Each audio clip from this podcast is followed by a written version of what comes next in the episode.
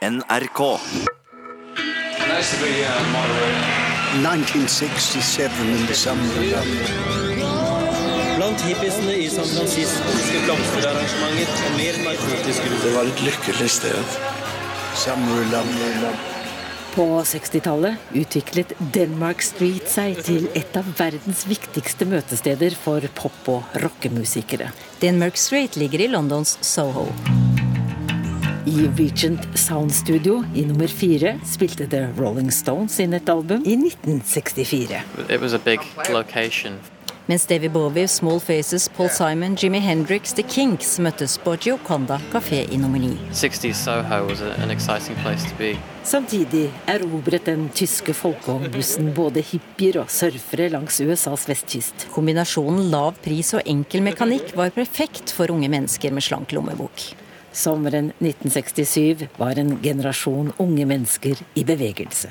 I'm Harry high and low. På en off-Broadway-scene setter de opp forestillingen Hair. Som speiler tidsånden, både politisk og kulturelt. I Danmark dannes den psykedeliske gruppa The Savage Rose. Som engasjerer seg i Vietnamkrigen. Og på Klubb 7 i Oslo er rytmen bluesbandet Public Enemies husmusikere. Som også deltar i den politiske samfunnsdebatten gjennom AUF. Som i 1967 vedtar en skarp protest mot USAs krigføring i Vietnam. Og med det legger press på moderpartiet. You that build all the guns. You that build the death planes. You that build the big bombs. You that hide behind walls. You that hide behind desks. I just want you to know I can see through your masks. You've never done nothing but built to destroy. You play with my world like it's your little toy. You put a gun in my hand and you hide from my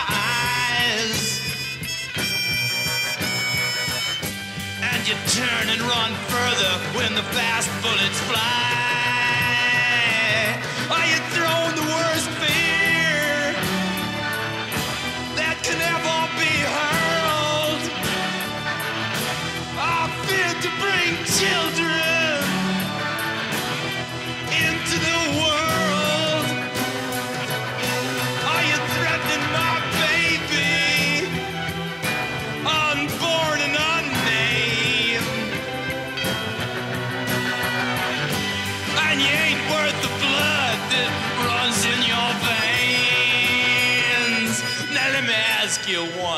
Question. Is your money that good? Will it buy you forgiveness? Do you think that it could? I think you will find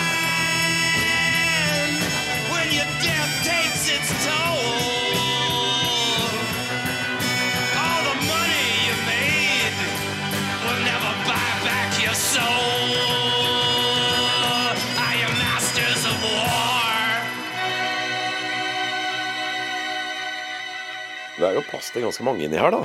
Og forholdsvis grei bil å holde ved like. Og den gangen så var den vel ikke så kostbar. Det var jo sånn at man dro på tur i gruppevis. Det var jo ikke noe enmannsshow, dette hippielivet. En dag i 1947 sitter den nederlandske folkevognimportøren Ben Ponn og tegner i en notatbok.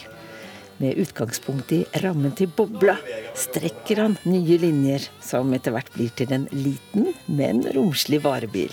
Han viser skissen fram til den tyske produsenten, og 20 år senere blir bussen selve symbolet på People in Motion. Den innredes som bobil, males i psykedeliske farger og oppnår status som et fartøysikon for den nye motkulturen.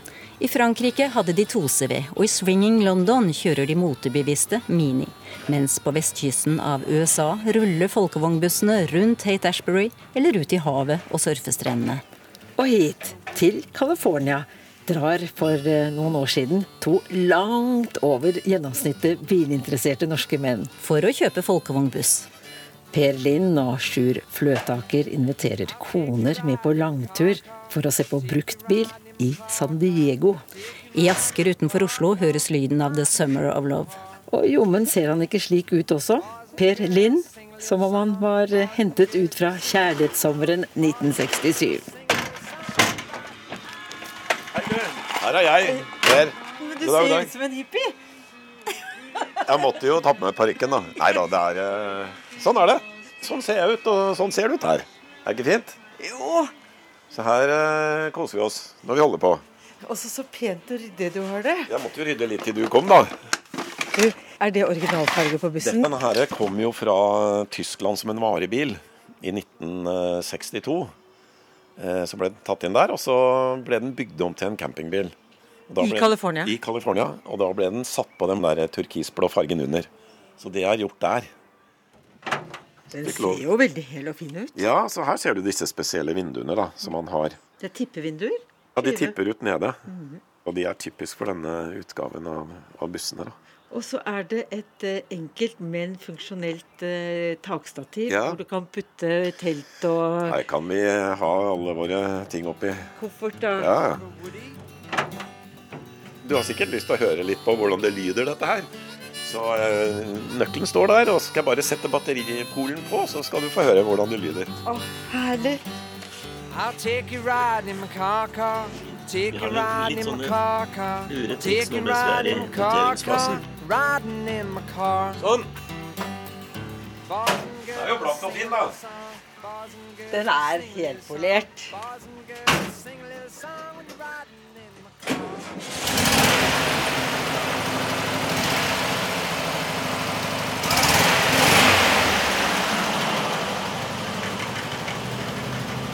Det er fin lyd.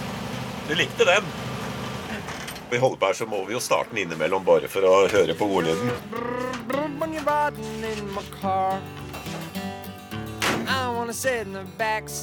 Dette her er faktisk den første vi var og så på.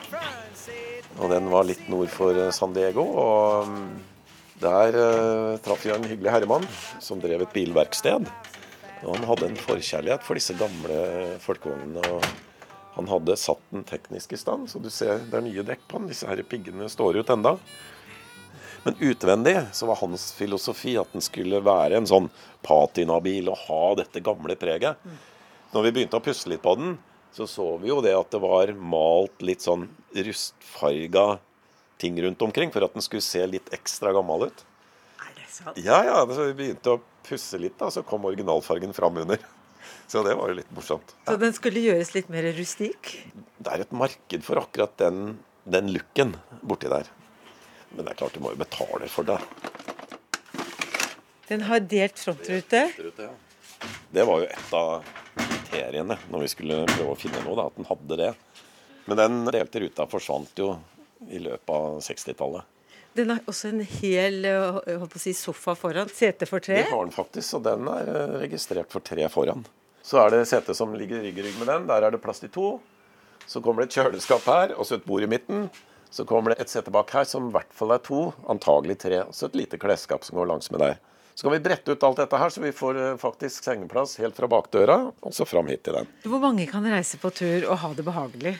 Jeg tror ikke du skal ligge så mange mer enn tre-fire stykker baki her, altså. Hvis du kjenner dem godt, så går det fint. Men det hører med et fortelt da, som vi kan sette på her og ut sånn. Med å støtte på, da, så her er det f.eks. Når jeg er ferdig nå, så vil det da være hyller her, ikke sant, og flaskeholder på andre sida. Sånn virkelig gjennomtenkt. Men uh, toalettet? Det tror jeg vi må finne i buskene. Ja. Det er ikke noe sånt her, altså. Det er det ikke. Hvilket forhold har du til The Summer of Love 1967? Jeg er jo født i 1950. Jeg var ikke noe sånn ihuga hippie-type, egentlig. Men eh, det var litt protest mot far min, for han klippte meg så kort.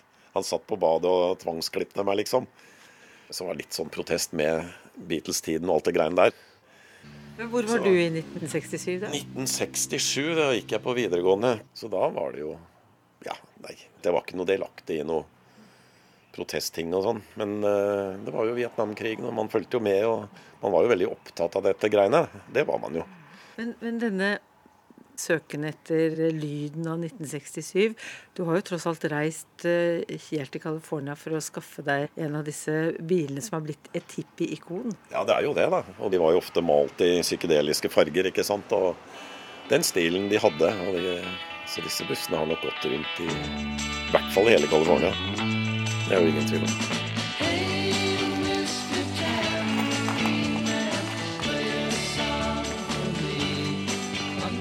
Når tenker du på at denne har en helt spesiell historie? Jeg tenker jo egentlig på det Nei, jeg holder på med den hver dag. Jeg hører jo litt på denne gamle musikken, og det, det sitter jo igjen, det, altså. Så det, det er en fin sammenblanding å holde på her og høre på 60-tallsmusikk. Her kan det ha vært eh, en gruppe hippier på reise, både på en slags eh, identitetssøken, men også på flukt fra noe. Så det kan jo ha foregått mye rart inni her, som hører tiden til. Det er litt kult. Hvis du kommer her nå, skal du få se hvordan han så ut når vi fikk den. Her, vet du. Sånn var den. Eh, og Det er jo da originalfargen som ble satt på i California. Og Da var det litt viktig for oss å beholde det. ikke sant? Så Vi har jo hatt den i Sverige nå på lakkering og har fått skanna fargene, så nå er den originalt sånn som den ble bygd i 62. Den er helt strøken. Ja, nå er den jo Fins jo ikke en bulk eller noen ting. Men du, hva er det som får voksne menn til å reise over store hav og land for å kjøpe en uh, folkevognbuss? Nei, Dette bygger jo på en uh, interesse vi har hatt lenge. da. Og hatt som en drøm å få tak i en buss i en eller annen fasong. Vi visste at det var en del i California, for klimaet borti der er jo såpass tørt at det er en del som har overlevd veldig bra. Vet du hvor den har kjørt? Er for det meste i California-området. Vi har funnet en del utklipp og en del sånne papirer som tilhører den. da. Har den vært i San Francisco? Det skulle ikke forundre meg også. Det vil jeg tro han har. Den her, her ser du, vet du. Den typen her sånn, som er innreda i USA, det kaller de gjerne for en Sundale camper. Det er den, den greia der som er bygd om, da. Bilen har fått eh, fem ekstra vinduer eh, inne i eh, det som blir oppholdsrommet. Mm. og det er skåret til i California. Det er jo mange typer busser. da. Du har jo disse med vinduene nedover hele veien. Og med passasjerseter på tvers nedover. Også vinduer oppe på takbuen. Det er jo de typiske Samba-bussene. Se, der er det originale, Dette er, dette er det som sto på den når vi fikk den. da. originale skiltet. Originale skiltet. California. GDR 037. Ja. Og det som er typisk med disse varebilene, det er at de ble jo produsert eh, på enklest mulig måte. Det var ikke noe fiksfakseri, det skulle transportere varer og gods. Og Derfor ser du frontmerket her, det er malt, det er ikke noe krum her. Det er ikke noe særlig det du har hjulkapselen og litt sånn småting. Så derfor er den mest lakkert utvendig på støtfanger og på disse her speilholderne og alle disse tingene. Men så har de da klippet ut hull til vinduer og innredet den i California, og så har den blitt som den er blitt. Så dette kan være faktisk den eneste bussen i Norge som er bygd om i California og tatt hjem hit. Og det som er litt morsomt med dette her, det er jo at eh, noen kjøper jo sånne ting for å bare bruke det. Mens vi har veldig stor glede av å gjøre den jobben vi nå gjør, som du ser. Vi har tatt ut all innredning. Vi kopierer alt som er der sjøl. Så de to siste vintrene nå så har vi kopiert interiøret. Nye veggplater, nye takplater i bjørk kryssfiner. Du ser vi har lagt inn litt støymatter og sånt for å dempe litt kasselyd. Det er jo som å sitte i en blikkboks og hoie, da, vet du. Men hvorfor tror du den ble så populær, spesielt i California?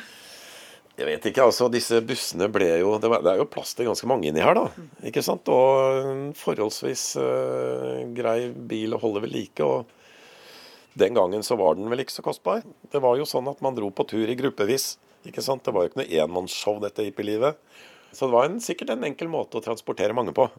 Så ble det et ikon, og dermed så rulla det av gårde, det. Per Linn, det er ungdomstiden du henter tilbake. Altså Hvis du skal være litt psykolog oppi det her, så, så er du kanskje inne på noe. Er veldig god motorlyd. Ja, dette oser det kvalitet av. Og det er jo en minnerik lyd, da, ikke sant? Vi har den jo i bobla også.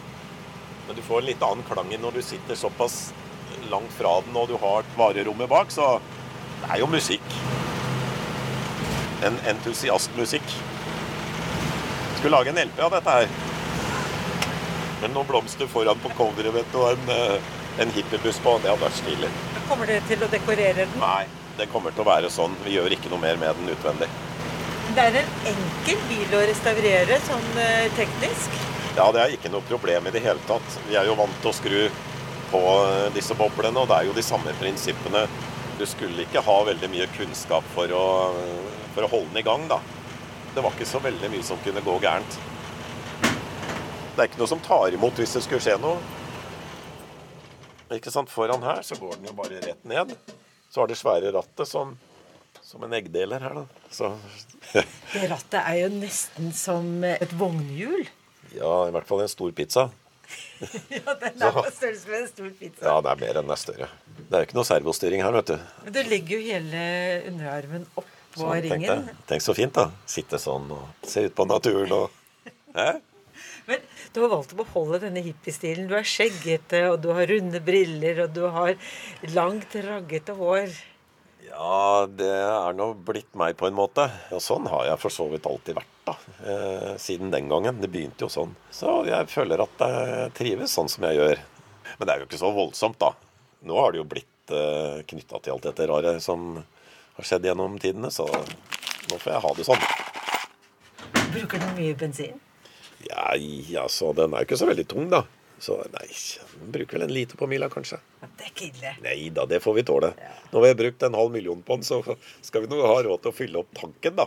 Det skal vi nå sørge for at vi greier. Så akkurat nå holder jeg på å restaurere kjøleskapet som står der borte. Og det må vi se på. Ja. Det er jo det originale som var der. Dette er basert på at du har isklumper inni. Og så har jeg nettopp tatt opp vannpumpa, og den virka jaggu meg. vet du. Det var var en vanntank under forsetet, og så kunne man altså pumpe vann her. Den var helt gjengrodd, men jeg har fått den åpna nå, så den der blir restaurert. Så du har en liten tank med vann under setet, det setet og en som- pumpe. Og så er den slangen, den tar med seg spillvannet ut, som renner ut under bilen. Det var sånn de gjorde. Det var jo noen sånn blikkgreier og Men det funka sikkert. Vi skal prøve, vi. Det blir fint å få noe kjølig. Ja, det blir jo tørst når du kjører bil. Så Men så det var jo litt morsomt her, da. Når vi tok ut eh, Åpna skuffen, så fant vi noe sånn turkey tørrmat. Nei, keep frozen, står det. ja.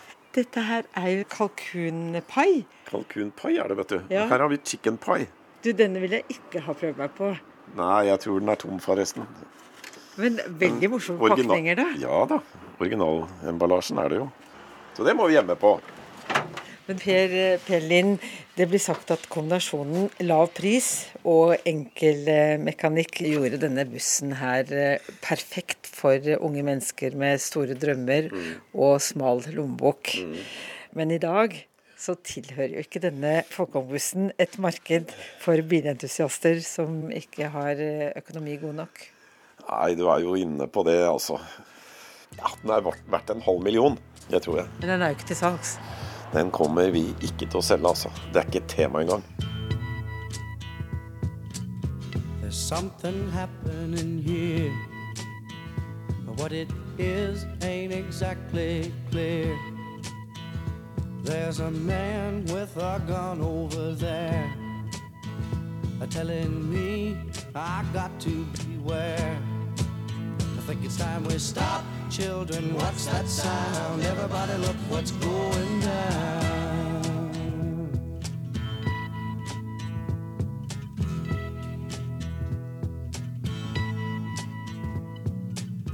There's battle lines being drawn. Nobody's right if everybody's wrong. Young people speaking their minds are getting so much resistance from behind. Time we stop. Hey, what's that sound? Everybody, look what's going down.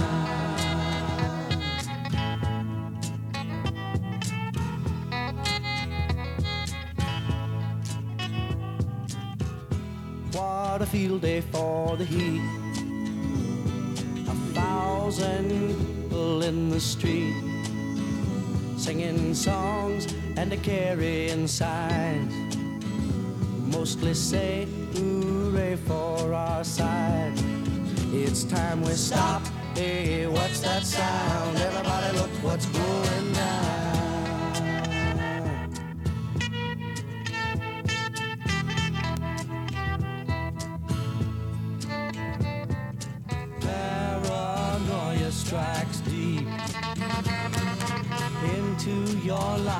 It will creep.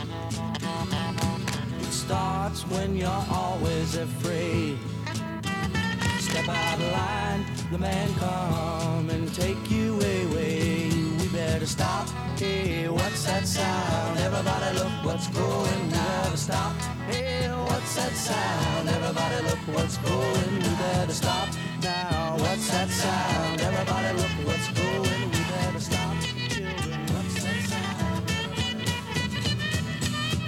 I 1967 har musikalen Hair premiere off-Broadway i New York. Musikalen blir et bilde på 1960-tallets kulturelle revolusjon.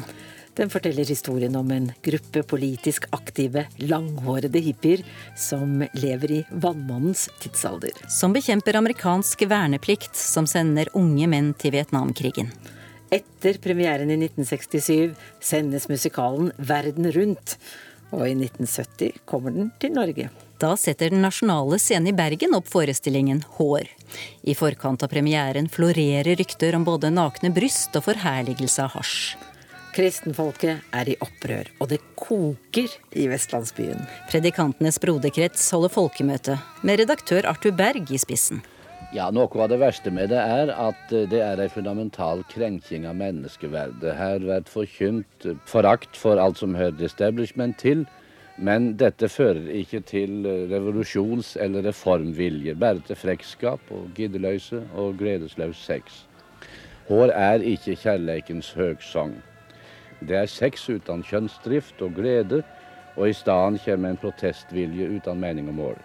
Helge Hagerup oversetter tekstene til norsk, og orkesterleder er gitaristen Terje Rypdal. For å få et mer multikulturelt preg på forestillingen, henter de inn stjernen Peter Straker med sine mørke, frodige krøller fra London-oppsetningen. Og Live Hov har en av de kvinnelige hovedrollene. Eh, Jeg var allerede ansatt på teatret som skuespiller. Vi var en liten kjerne av unge skuespillere som fikk være med i Hår. Eh, Og det var fordi vi kunne synge og vi kunne danse, og vi var unge og passet inn. Men langt de fleste av de som var med, det var jo 23 skuespillere i alt på scenen, det var eh, unge folk som var kommet til via audition. Eh, og det var jo noe helt nytt egentlig i Norge at man hadde audition for en forestilling på et institusjonsteater. Noen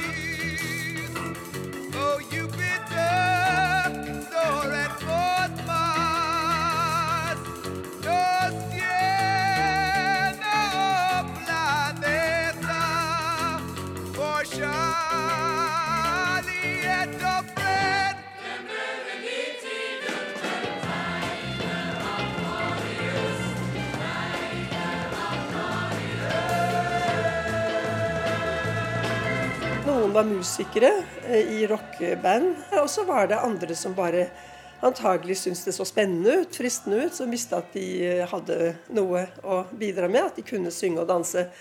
Eh, Men det jeg husker var at de yngste, som var fra Bergen da, de fleste var fra Bergen, det var to jenter som vi kalte Lille Mai og Lille Unni. For de var, både, de var ikke så høye, og så var de bare en 16-17 år. Så de tror jeg gikk ut av skolen for å være med. Og så var det eh, litt forskjellig, men alle var jo unge opp til kanskje 5-26.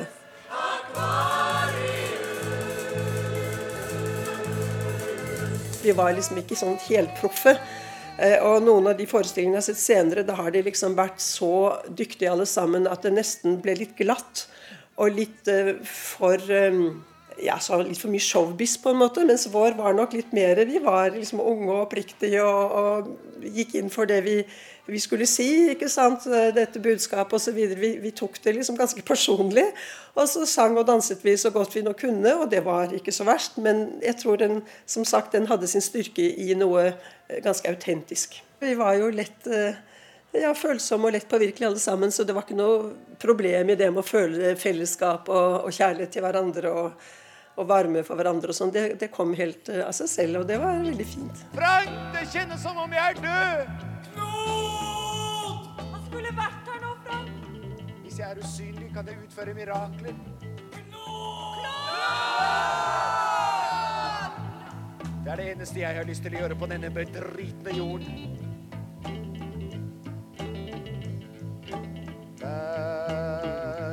Manchester,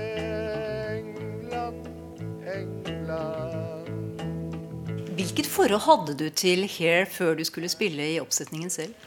Jeg kan ikke huske om jeg hadde noe forhold til det sånn, men fordi da den opprinnelige Hair kom opp, det var jo i 67 off-Broadway. Da vet jeg ikke hvor mye oppmerksomhet den egentlig fikk, men så kom den jo opp på, på Broadway et halvt år senere, i våren 68.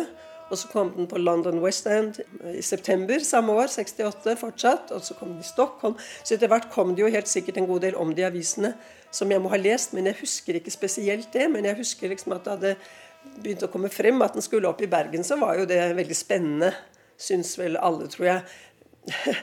alle unge, i hvert fall. Men, men, det var jo også, som man kan lese om både her og der, at det var jo en masse protester også i forkant av forestillingen. I Bergen hadde den jo premiere 4.12.1970, eh, men hele den høsten, mens prøvene pågikk osv., da var det eh, masse debatt i avisene. Det var protestbevegelser. Det man ville, var jo at man ønsket å stoppe forestillingen. Og så kan man lure på hvorfor det. Jo, fordi den var blasfemisk. Det var nok en av tingene som var viktig for disse kristne bevegelsene. Og så var det jo veldig kontroversielt innhold den gangen. Det var jo snakk om fri kjærlighet, da, fri sex eh, og fri, eh, altså fri stoffer. Men samtidig var det jo også et sterkt engasjement i, i det politisk. Det var jo en antikrigsforestilling eh, også, som gjaldt Vietnamkrigen. Men det var jo lett nok å gå inn for dette med 'make love, not war'. Det, det kunne vi lett engasjere oss i.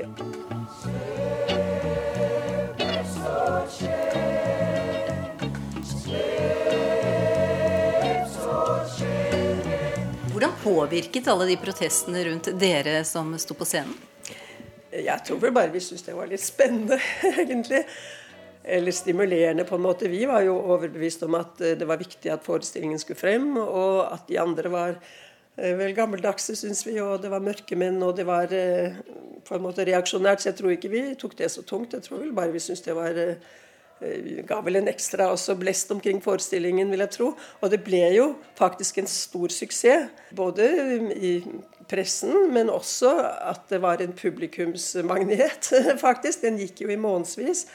Og mange kom og så den om igjen og om igjen av unge mennesker i Bergen. Det dannet seg en sånn liten krets av nærmest sånn groupies, tror jeg det heter. Som så den mange ganger, og vi inviterte oss på fester. og og jeg går fortsatt med en ring som jeg fikk av en av de der som så forestillingen mange ganger. Det er for meg et lite minne faktisk om forestillingen.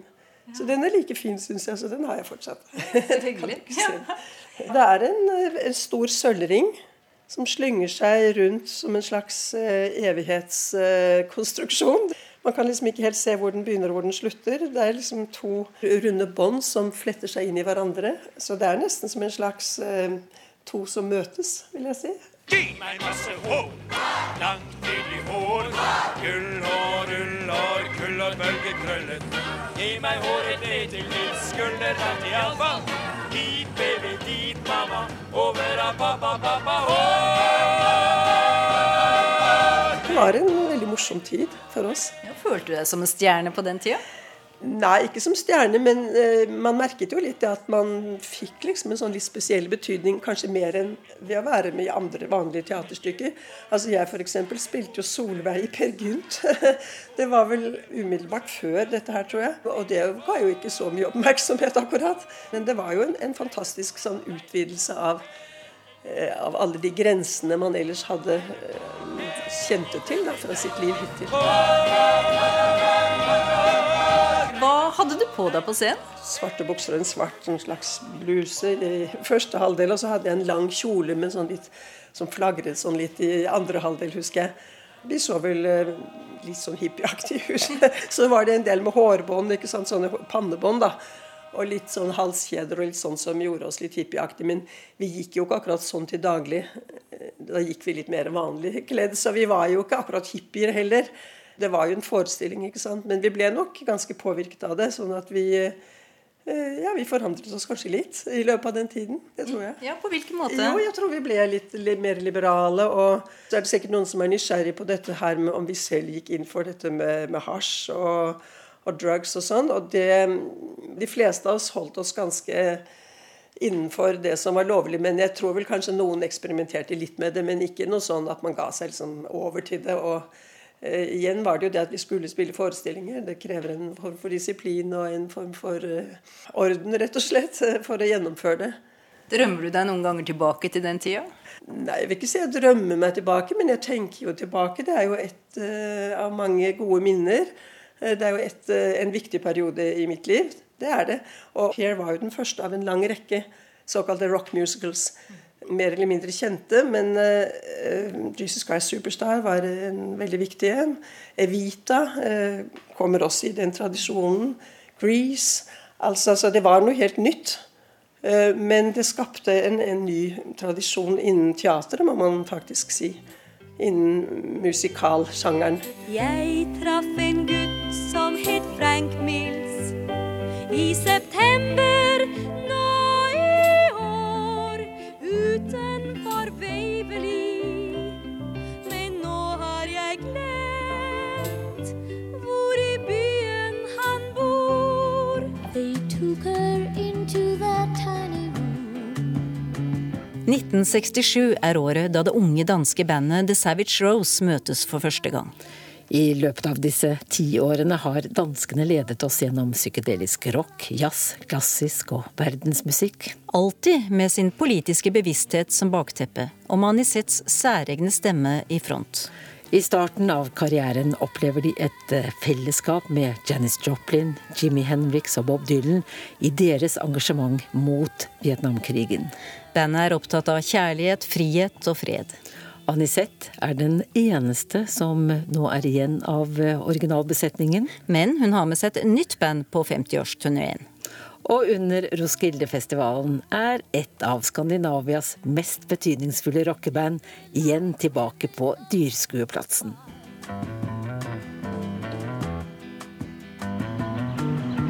Vi var jo nye i 67 der som en ny gruppe, der var, en musikgruppe, der var inspireret af klassisk musik, jazzmusik, popmusik og West Coast musik, ikke? Fra, der kom til os. Øh, der blev skrevet nogle fantastiske øh, sange og melodier, og vi har spillet nogle af dem her i, i dag også. Screams of Captured Birds og, og Wild Child og øh, A Girl I Knew, som vi også spillede.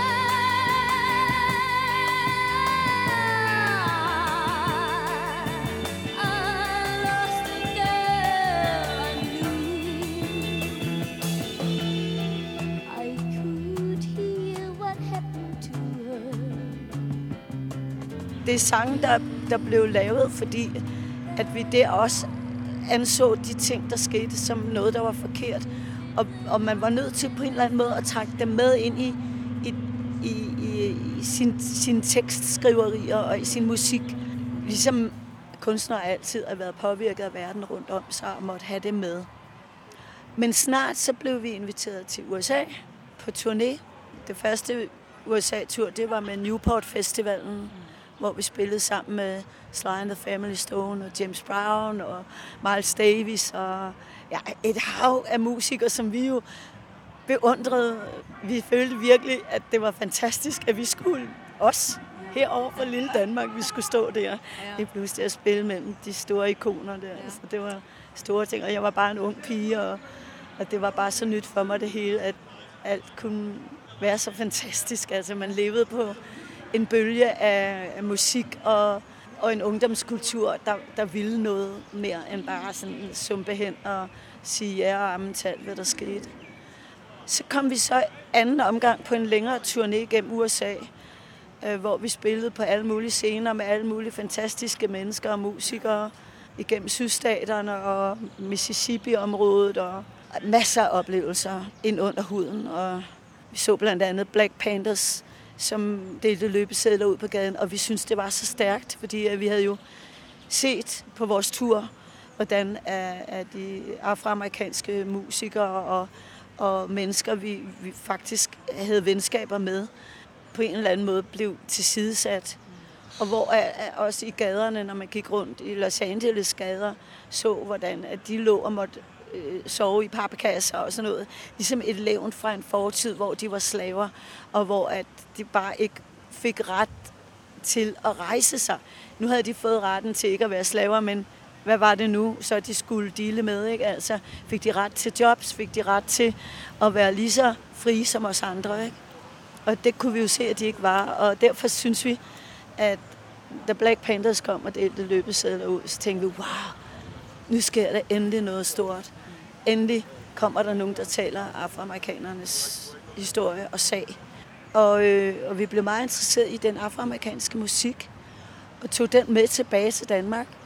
Var meget inspireret av de kræfter, der lå i gospelmusikken. Det kunne godt være, at der var religiøsitet forbundet med det, men det var mer troen på, at vi mennesker kan rejse oss og gjøre noe stort. Det, at kærlighet og, og frihed var ting, der hang sammen.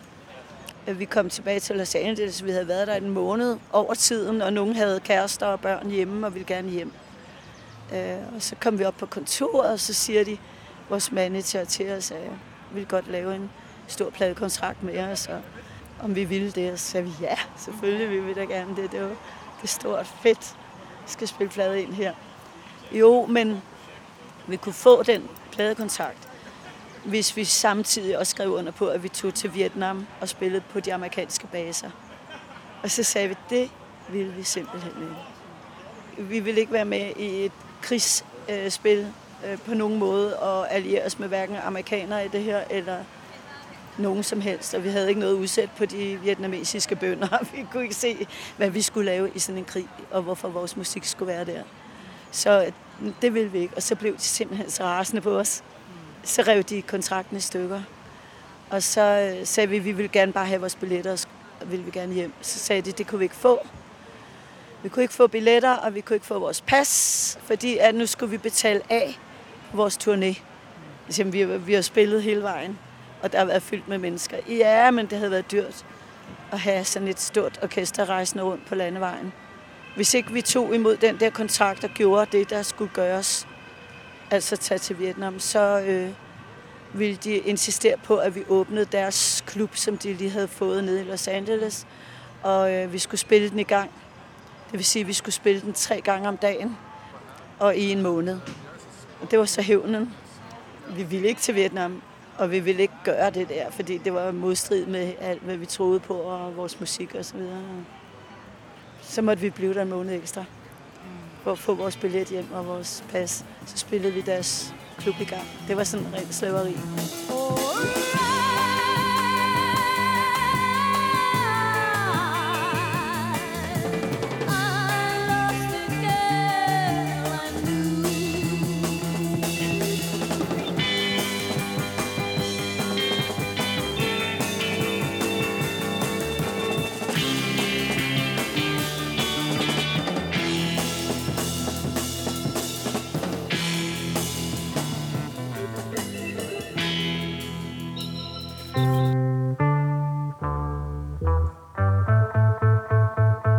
Gjennom 1967, The Summer of Love, utvikler det seg et særpreget norsk musikalsk lydbilde. Det skyldes bl.a.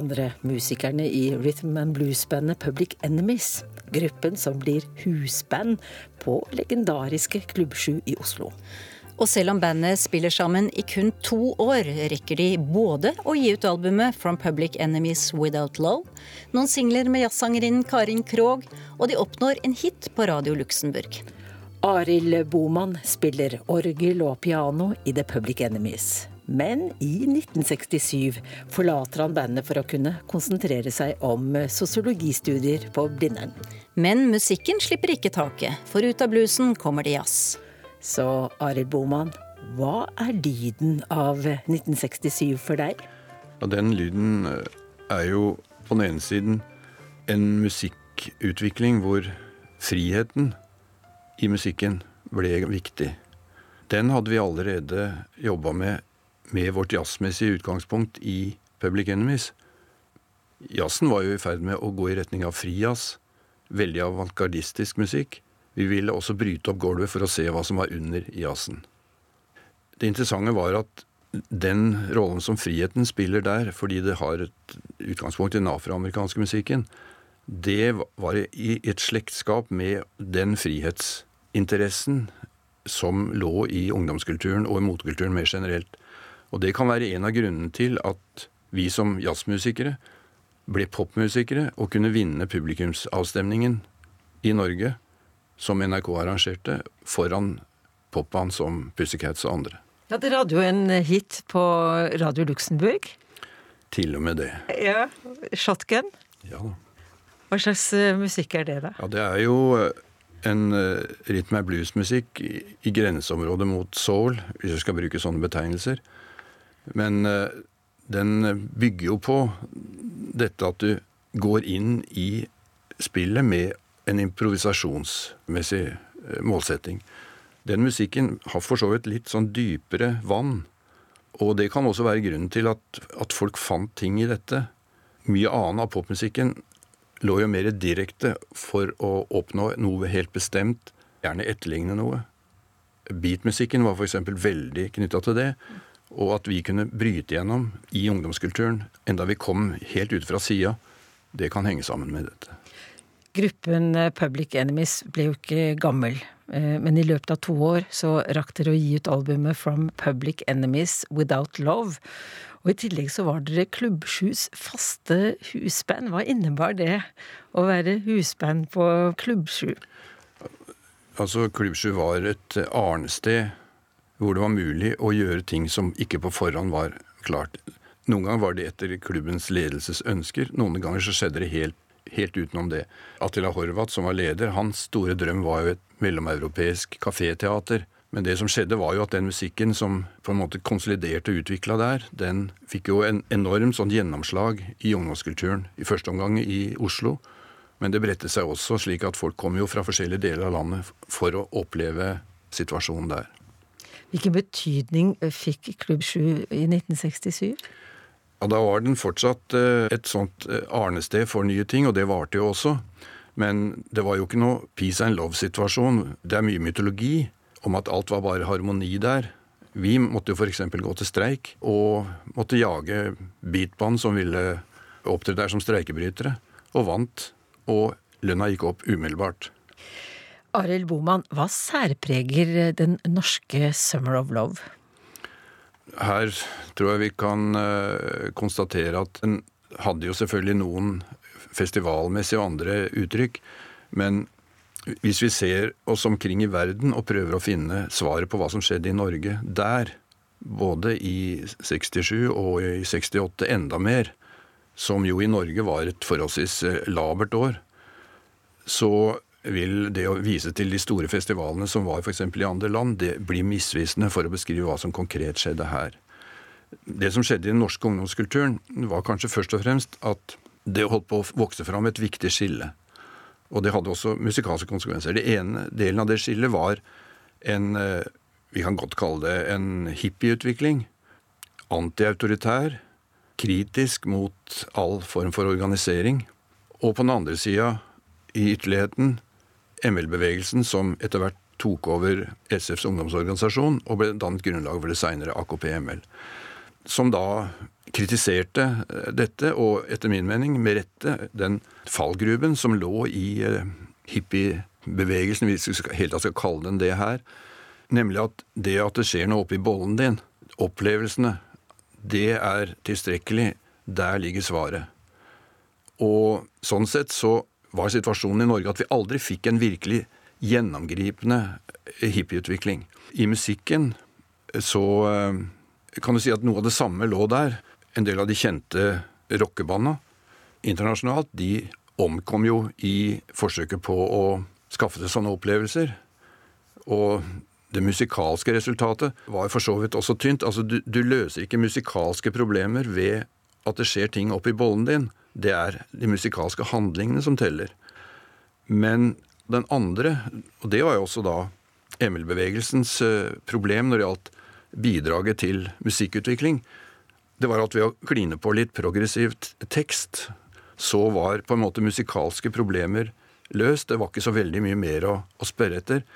Jeg setter det på spissen nå, men eh, vi kan vel si at ingen av de to retningene ga noe egentlig svar på hvordan musikken skulle utvikles.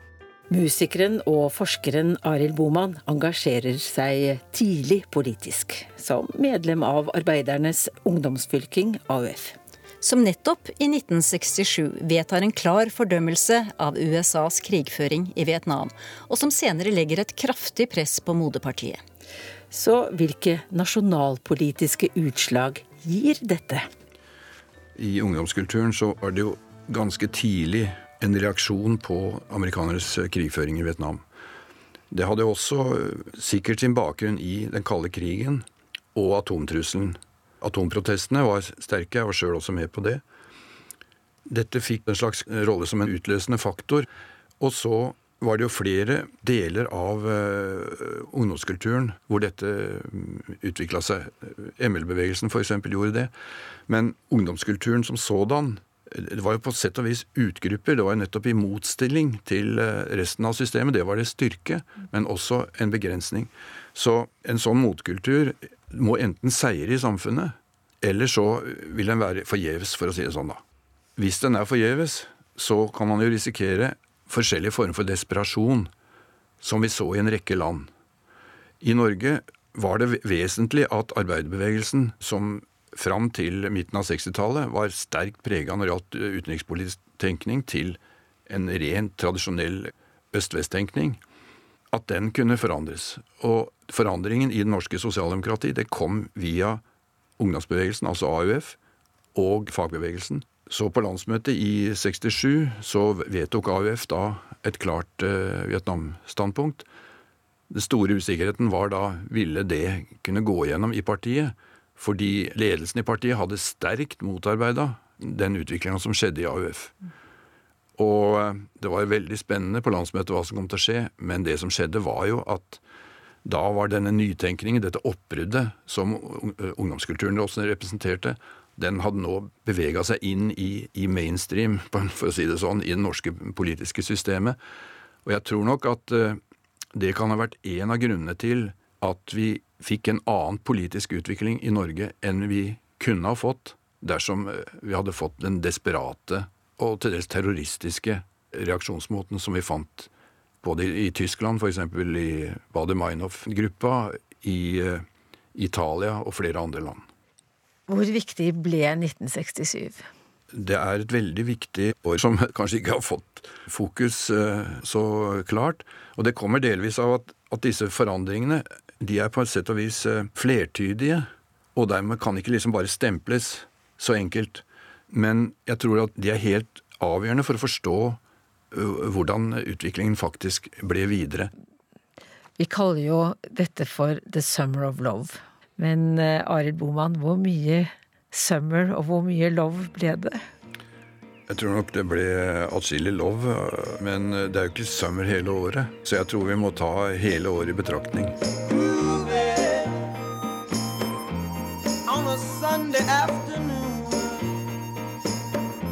Eirik Wangberg er lydteknikeren og produsenten som er midt i begivenhetenes sentrum i 1967. Han er i Hollywood, i studio, dit alle de store, kjente stjernene kommer. Han jobber med Paul McCartney, Beach Boys, Turtles og The Mamas and the Papas. Og han mikser både San Francisco, den store hitlåten fra sommeren 1967, og opptakene fra festivalen i Monterey. Men Vietnamkrigen ligger som en skygge også over hans liv. Jeg fikk et vidsyn når jeg kom til Amerika. I, I, Norge så på den tiden i alle fall, så bodde vi ganske skjermet. Og plutselig kom jeg ut i den store verden. Og ikke bare det, men jeg fikk oppleve den store verden på uh, sitt beste. Eller uh, mest energirike, da. Med alt det som skjedde i Amerika på den tiden. Fra det samfunnsmessige og det musikalske og det politiske. Og det skjedde jo alt fra mord til kjærlighet. Og, altså Folk eh, hadde ikke noen hemninger lenger. Det, alt, eh, alt var greit så lenge man bare var snill og full av kjærlighet. Og så hadde man jo da altså denne herre uh, Be sure to wear some flowers in your hair. Uh, låten San Francisco. Det endte jo opp med at alle kom med blomster i håret. Så det viste jo at folk ønsket fred. fred.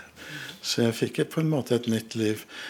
Men den perioden forandret jo alles liv på hele jorden. Altså etter hvert. Vi har krig, Vietnamkrigen, som river alle i filler.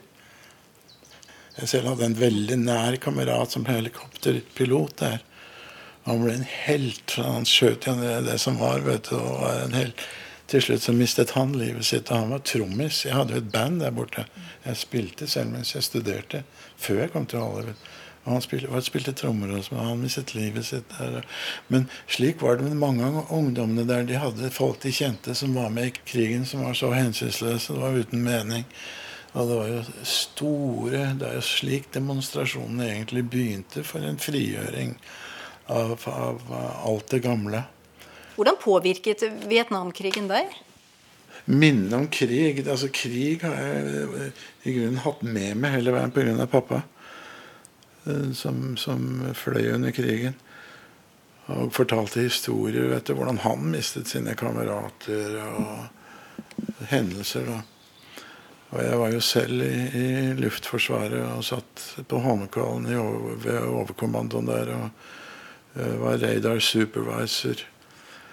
Uh, liksom det der med krig har alltid stått meg nære. Og det å, å få med Vietnamkrigen på toppen av det hele, og da å mis, miste Ace Gosali, helikopterkameraten min ja, og til og med også lage all, all denne musikken i demonstrasjon mot krigen og oppleve demonstrasjonen.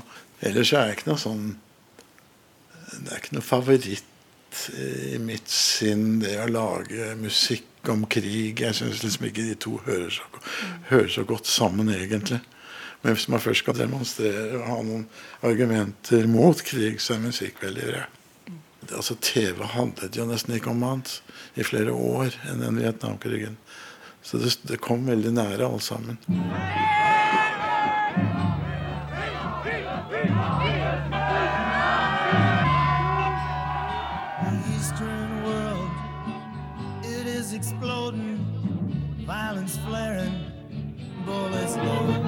Jeg har jo lest i avisen og fulgt med i radioen om det som har skjedd i Vietnam, og blitt mer og mer forferdet over de grusomhetene som blir begått der. Hva er din mening om krigen i Vietnam? da? Avskyelig. Aldeles grusomt. Tell me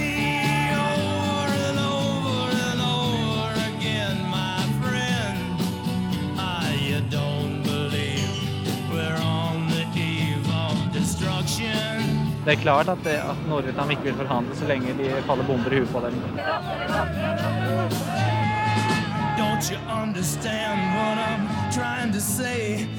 Can't you feel the fears I'm feeling today? Jeg kjenner ingen trang til å bruke sterke ord, men jeg gjentar at dette er fullstendig meningsløst og lite verdig en nasjon som De forente stater.